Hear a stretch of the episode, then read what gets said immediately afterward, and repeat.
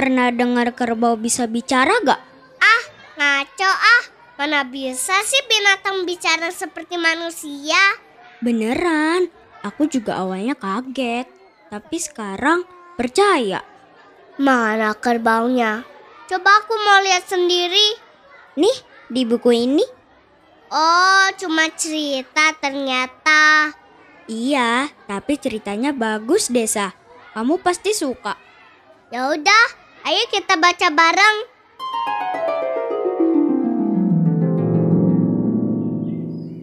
Dahulu kala, di sebuah desa di Toraja, hidup seorang ibu dengan tujuh orang putranya. Keenam putranya tumbuh seperti orang pada umumnya. Berbeda dengan putra bungsunya, ia mempunyai tungkai kaki yang timpang dan sedikit lemah, sehingga ia tidak bisa bekerja di ladang seperti kakak-kakaknya. Namanya Babuk Solong. Walaupun demikian, Babuk Solong adalah anak yang rajin. Ia membantu ibunya mengurus rumah, mengurus ayam, dan merawat tanaman obat. Ibu, coba lihat. Hari ini ayamnya bertelur banyak, Bu. Rawatlah ayam-ayam ini dengan baik ya nak, agar mereka sehat dan menghasilkan telur yang bagus. Baik, Bu.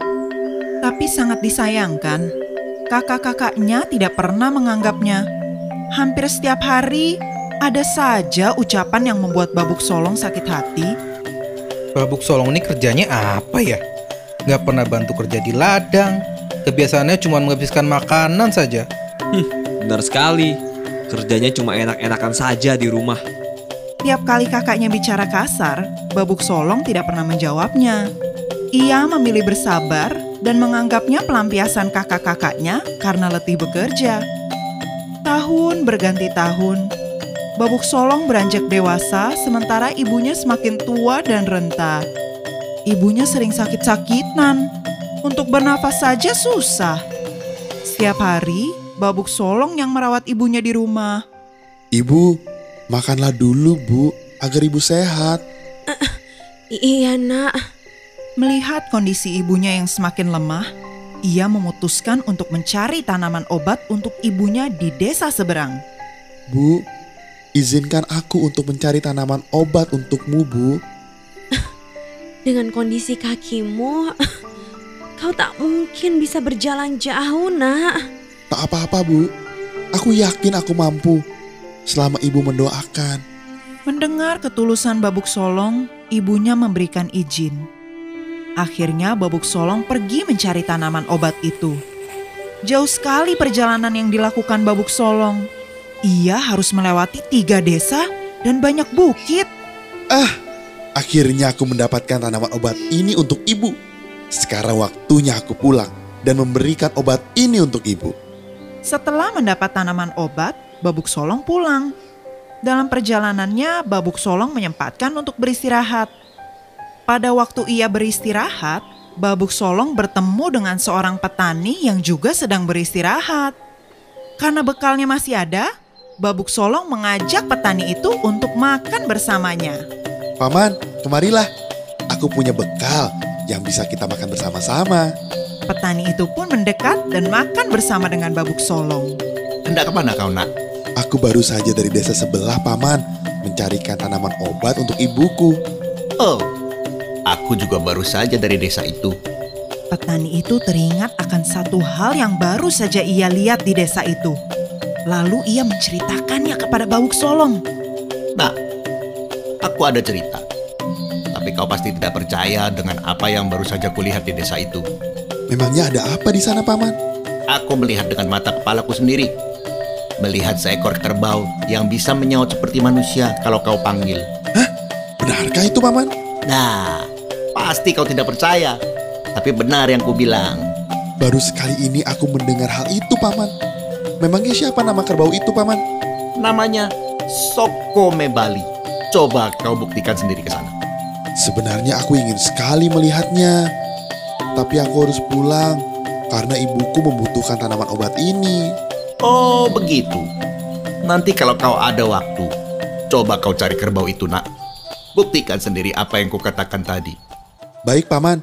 Kalau begitu aku pamit dulu untuk melanjutkan perjalanan. Baik, nak. Hati-hati di jalan. Semoga ibumu lekas sembuh ya nak. Terima kasih, Paman.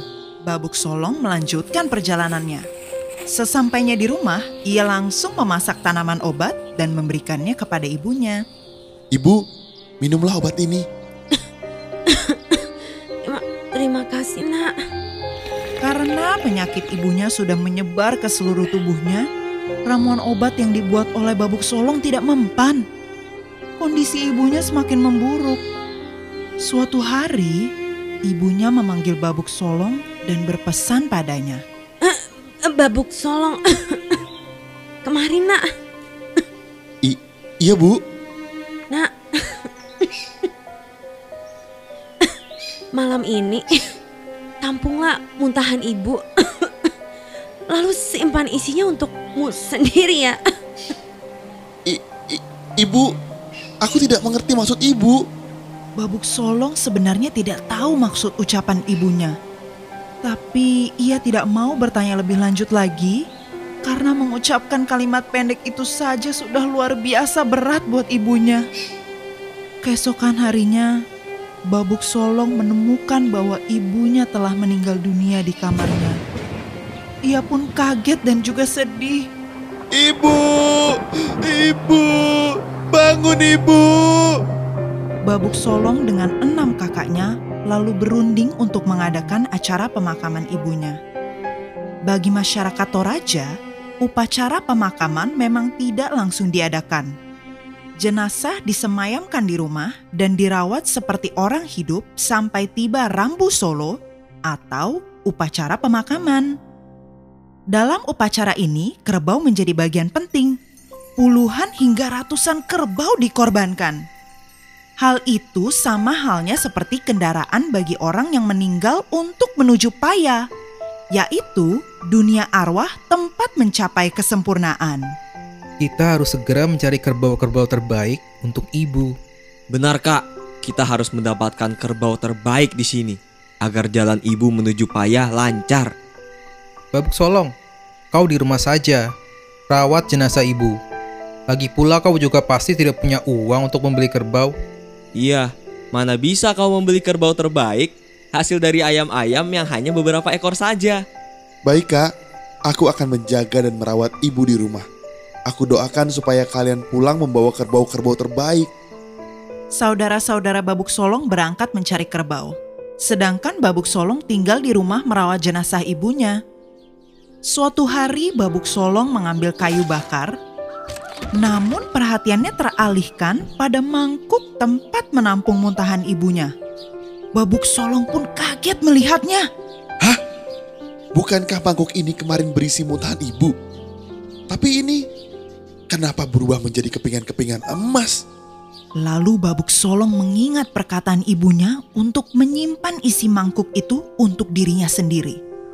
Beberapa minggu kemudian, saudara-saudaranya pulang membawa kerbau-kerbau terbaik pilihan mereka. Mereka membawa 32 ekor kerbau yang sehat dan kekar. Kakak-kakak Babuk Solong asik bercerita cara mendapatkan kerbau itu tanpa memperdulikan Babuk Solong. Asal kalian tahu, kerbau ini adalah kerbau kita berenam. Karena kamilah yang selama ini bekerja mencari uang untuk membeli kerbau-kerbau ini.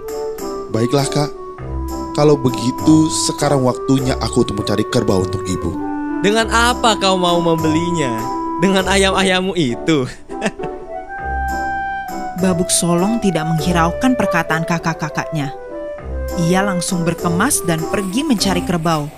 Tidak lupa membawa kepingan emas yang ia miliki. Babuk Solong pun ingat akan kerbau ajaib itu. Ia langsung pergi menuju desa pemilik kerbau itu. Di sana, ia bertemu dengan pemilik kerbau. Permisi, Bu. Apakah ibu pemilik kerbau ajaib yang bisa menyaut seperti manusia kalau dipanggil namanya? Benar. Apa kau ingin melihatnya? Iya, Bu. Aku ingin melihatnya. Petani pemilik kerbau itu menunjukkan Sokome Bali. Dan kerbau itu ternyata badannya kurus, kulitnya kisut, dan kakinya pendek. Inilah kerbau itu. Sebanyak apa pun aku memberinya makan, ia tak akan pernah menjadi gemuk. Benarkah ia bisa menyaut kalau kita memanggilnya? Cobalah kau panggil. Soko Bali. Ya, Eh, hah? S- Soko Bali. ya. Sokoma Bali terus menatap Babuk Solong seperti ingin bicara terus padanya. Babuk Solong kemudian meminta izin kepada petani itu untuk membeli kerbau itu. Ibu, maukah kau menjual kerbaumu ini padaku? Boleh saja, selama harganya cocok. Lagi pula, kerbau ini terlalu lemah untuk membantuku membajak sawah. Mendengar hal itu, Babuk Solong langsung mengeluarkan kepingan emas miliknya. Bagaimana dengan ini, Bu? Apa kau tidak salah hitung, nak? Tidak, Bu. Apakah ini cukup untuk kerbau itu? Cukup sekali ini, nak. Sekarang, kerbau ini jadi milikmu. Pemilik kerbau itu memberikan kerbaunya.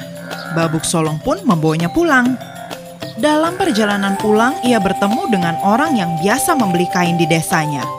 Hei, Babuk Solong, kenapa kau membeli kerbau kurus ini? Jelek sekali pilihanmu ini.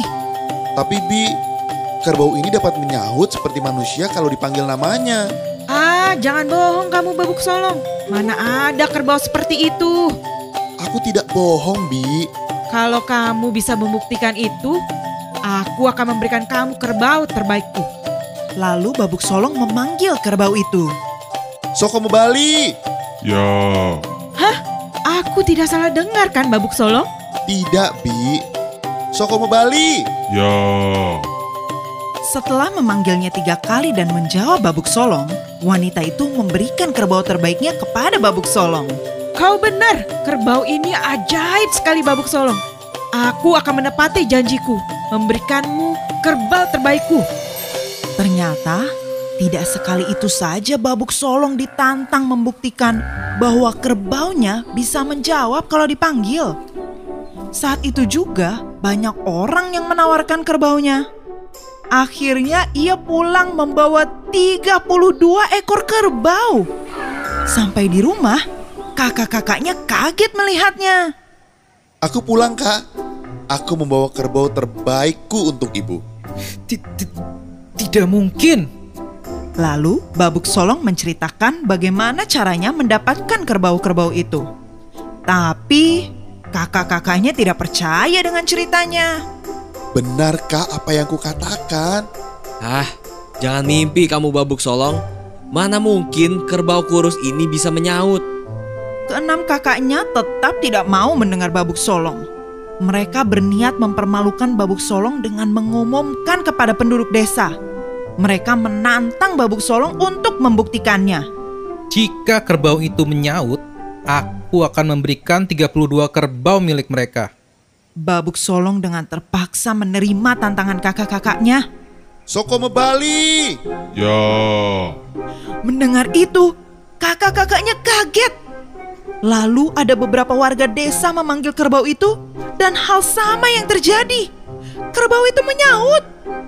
Penonton pun bersorak dan mengakui bahwa kerbau babuk solong memang ajaib karena bisa menyaut.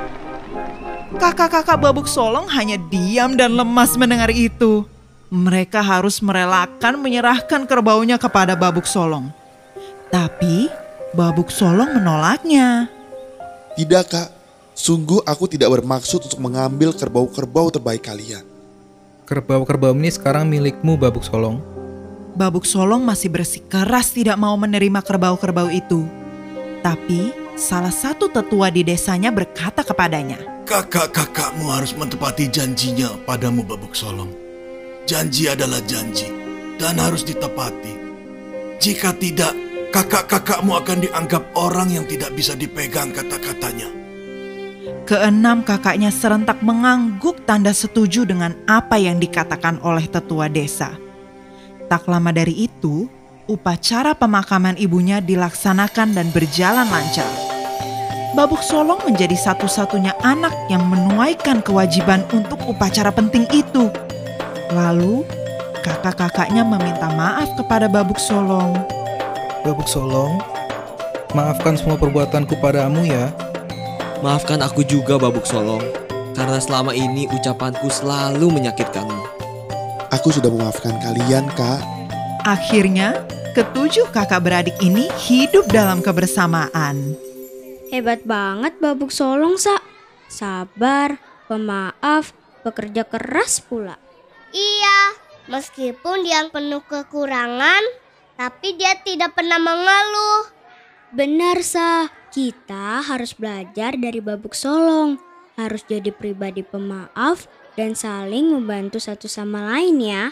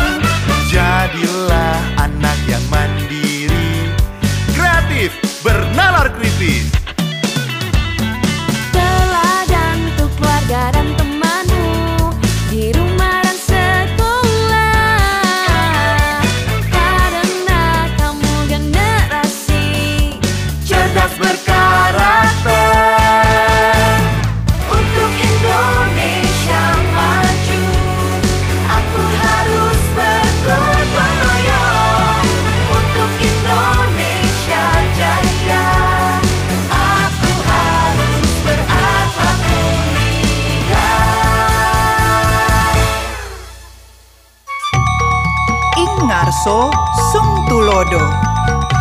Ing Madya Mangun Karso. Tutmuri Handayan.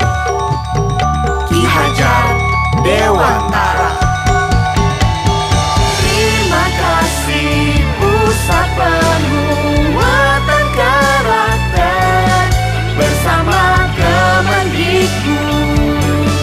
Ayo jadi generasi